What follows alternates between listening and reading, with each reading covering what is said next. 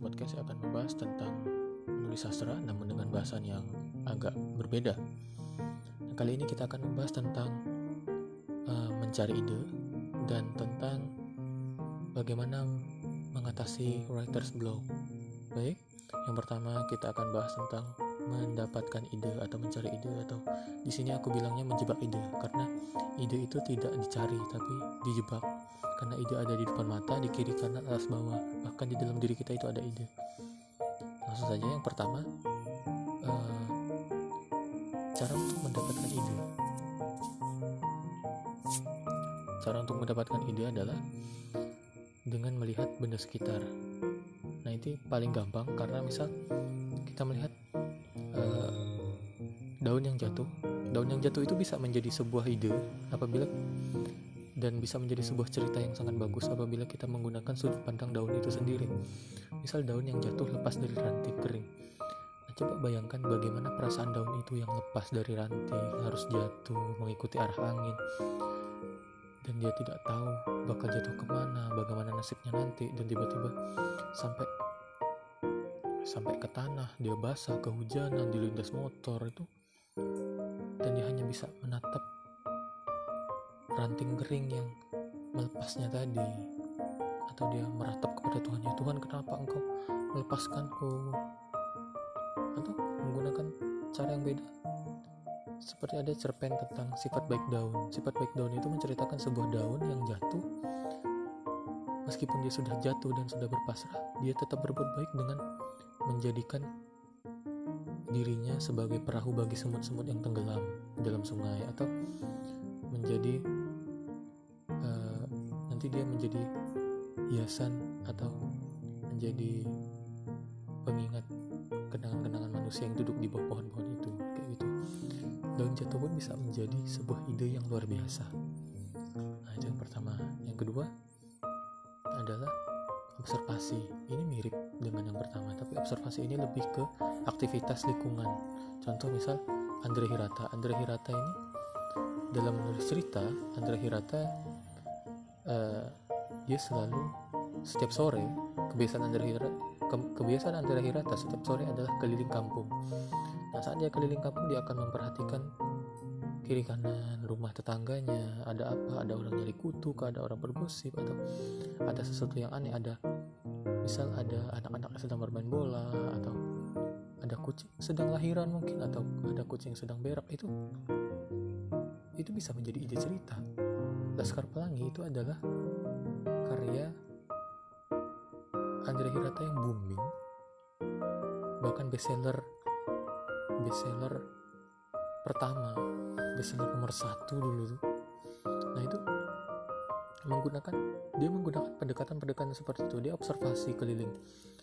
Dan itu benar-benar mengangkat lingkungan-lingkungan yang ada di Belitung Timur saat itu. Dan dia benar-benar mengangkat kegiatan-kegiatan yang seperti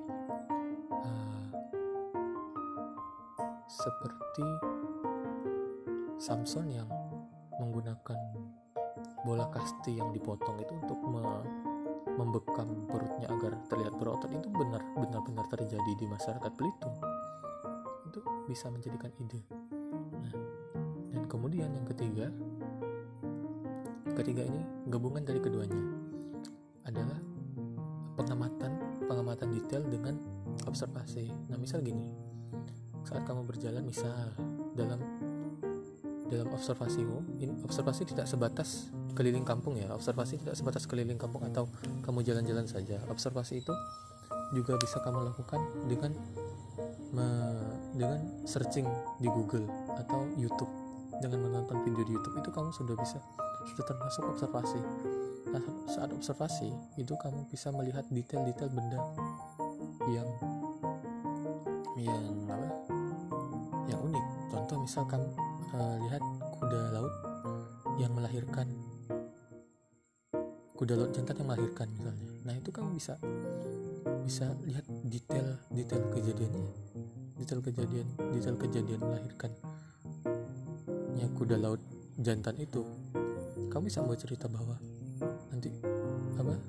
Kamu bisa membuat cerita yang unik misal asal mula asal mula kuda jantan yang melahir kuda jantan yang melahirkan. Kenapa jadi kuda berita yang yang ngoper bayinya? Itu kamu bisa buat ide-ide seperti itu. Itu unik. Itu unik. Nah itu untuk uh, masalah ide ya. Saya uh, kurasa kalian teman-teman semua bisa mengembangkan mengembangkan metode tadi agar menulis menulis uh, agar mendapat ide yang yang unik. Aku rasa yang begitu. Nah kemudian adalah blog writers atau writers blog atau buntu atau mentok di tengah jalan saat menulis. Nah jadi gini sebenarnya kalau kata Jokpin kata Joko Pinurbo writers blog itu nggak ada. Writers blog itu mitos. Writers blog itu hanya alasan agar penulis itu bisa bermalas-malasan sebenarnya writers blog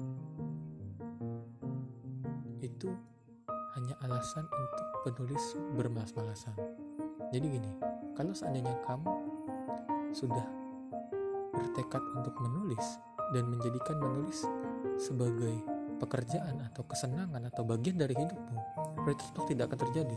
Kebuntuan itu tidak akan terjadi. Nah, berbeda halnya jika kamu saat sedang menulis, tiba-tiba uh, kamu bingung mau nulis apa lagi. Nah, itu ada kesalahan pada teknis menulismu, pada teknik menulismu.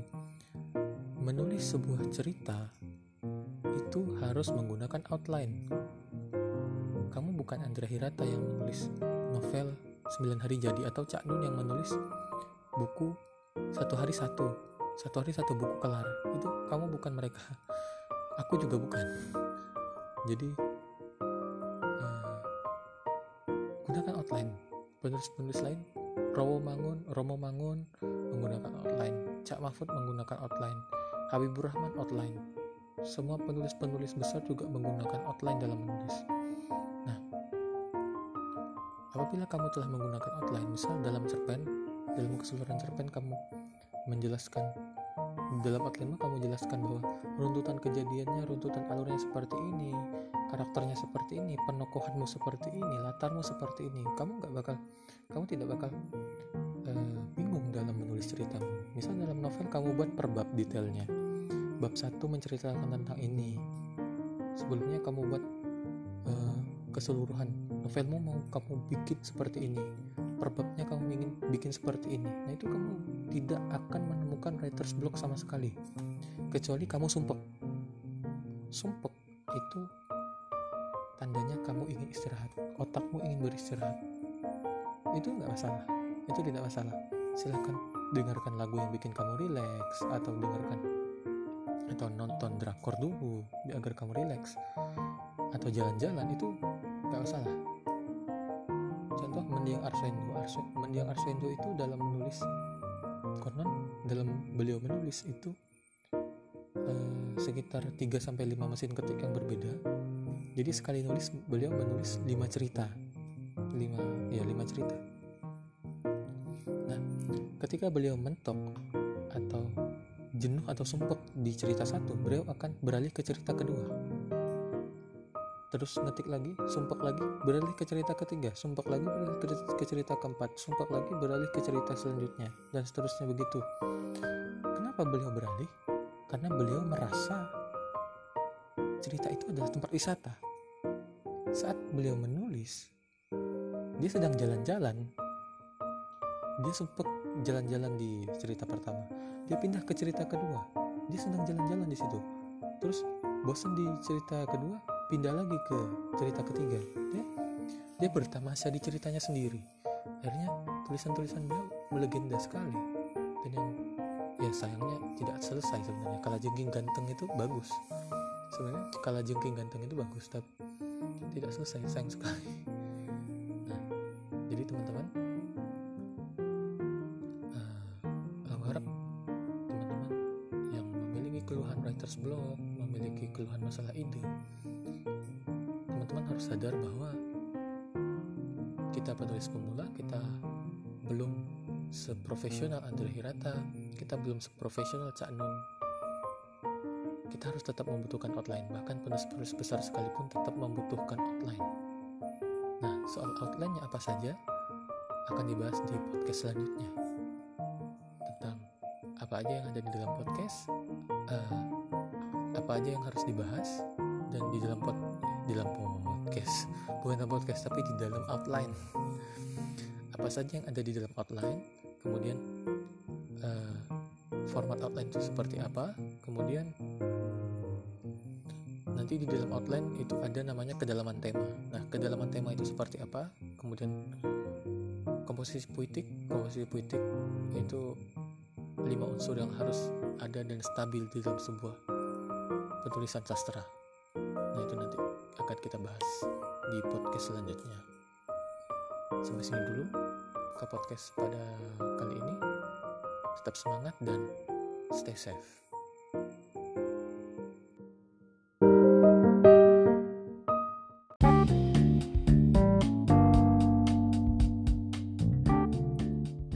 Halo semua, selamat datang di K Podcast. Podcast yang akan membahas seputar menulis sastra dengan bahasan yang tidak biasa. Bahasan kita kali ini adalah tentang bagaimana cara membuat pembukaan cerita yang menarik di mata pembaca. Nah, sebelum kita memulai bahasan kita, perlu kita ketahui bahwa karya sastra itu ada tiga macam. Yang pertama puisi, kedua prosa, dan ketiga drama. Di sini kita bisa identikan bahwa drama yang masih dalam berbentuk naskah itu sama dengan prosa. Nah, prosa kita kerujutkan sebagai novel ataupun cerita pendek. Langsung saja kita mulai. Dalam hukum dramaturgi, penentu antusias atau perhatian penonton adalah 5 sampai 7 menit pertama dari pertunjukan tersebut. Begitu juga dengan cerita pendek. Penentu perhatian pembaca ada pada paragraf awal kalian atau di sini sering kita sebut sebagai opening cerita. Pertanyaannya, gaya opening seperti apa yang bisa membuat pembaca antusias? Apakah perkenalan diri, penggambaran suasana baik itu latar, uh, waktu atau suasana kejadian, atau langsung pada konflik cerita? Nah, jawabannya adalah semua pembuka cerita bisa menjadi menarik. Hanya saja penulis yang mungkin belum bisa mengembangkan gaya opening cerita mereka masing-masing. Misal, gaya opening cerita sejuta umat adalah perkenalan diri. Contohnya gini, Halo, aku Nadi, umurku 21 tahun. Sekarang aku sedang bekerja di Jakarta, bla bla bla dan seterusnya. Ini adalah cerita atau jenis pembuka cerita yang biasanya digunakan oleh penulis pemula yang sering kita jumpai di Wattpad, Storyal, Novelme, atau bahkan Swig. Nah, daripada kamu menggunakan cerita itu atau jenis opening seperti itu, kamu bisa menggunakan gaya opening seperti ini. Pemberhentian terakhirku adalah sebuah stasiun kereta yang kerap dipanggil stasiun Tugu. Tempat ini seperti tidak memiliki jam tidur, padahal ini subuh hari. Tapi pedagang tetap saja buka, dan tukang ojek pun tetap aktif menawarkan penumpang untuk diantar ke mana pun tujuan mereka. Atau gaya pembuka cerita yang agak nyeleneh seperti ini. Cuaca agak panas. Seorang kakek dengan ringgihnya mendekati perempuan tua. Nek, sudah makan? Sudah. Kakek juga sudah. Sudah. Namun, kisah ini tidak ada hubungannya dengan mereka. Nah, begini awal ceritanya. Nah, tadi itu adalah uh, contoh dari beberapa opening cerita yang saya rasa itu menarik dibandingkan menggunakan gaya opening perkenalan diri yang sangat sering digunakan oleh penulis-penulis ya yang sering kita jumpai di Wattpad, Storyal ataupun Swing. Nah, tadi aku hanya memberi kalian contoh. Ingat contoh. Untuk pengembangan dengan cara kalian, agar terlihat lebih menarik lagi, silahkan kalian gunakan imajinasi dan kreativitas kalian. Terakhir, aku ada catatan penting dalam menulis cerita, baik itu opening ataupun bagian-bagian lain. Yang pertama, umumnya pembaca tidak akan mencari tahu atau tidak ingin tahu eh, kata-kata uh, asing yang sering kalian tulis. Contoh uh, Nabastala, awana, arunika, atau swastamita atau ya hal-hal yang seperti itu. Tapi berbeda dengan eh, bahasa-bahasa daerah, contoh derdek, neko-neko, ataupun uh, yang lain. Karena ini walaupun bahasa daerah, bahasa-bahasa seperti ini masih familiar. Contoh ambiar itu bahasa daerah tapi familiar di telinga masyarakat. Kecuali dalam menulis bahasa-bahasa yang jarang digunakan oleh kaki atau sitas uh, atau ya, ya, ya catatan kaki atau biasa NB ditulis di bawah di bawah ceritamu untuk memudahkan pembaca. Nah, yang kedua, sederhana, sederhanakanlah bahasa kalian dalam penggambaran suasana. Jangan terlalu didramatisir. Contoh, penggambaran bersin. Ya, cukup saja menggunakan hidungku terasa gatal karena bubuk merica yang berterbangan di dapur ini. Atau, siang, rasa gatal menggelitik hidungku yang pesek dan yang tidak seberapa ini. Nah, eh, jangan sampai kalian mempersulit pembaca dengan bentuk-bentuk dramatisir yang ya ya agak aneh-aneh. Contoh, eh, hidungku seperti digaruk-garuk oleh debu-debu yang berterbangan di ruang-ruangan ini. Nah, itu agak sedikit berlebihan. Nah, segitu dulu bahasan yang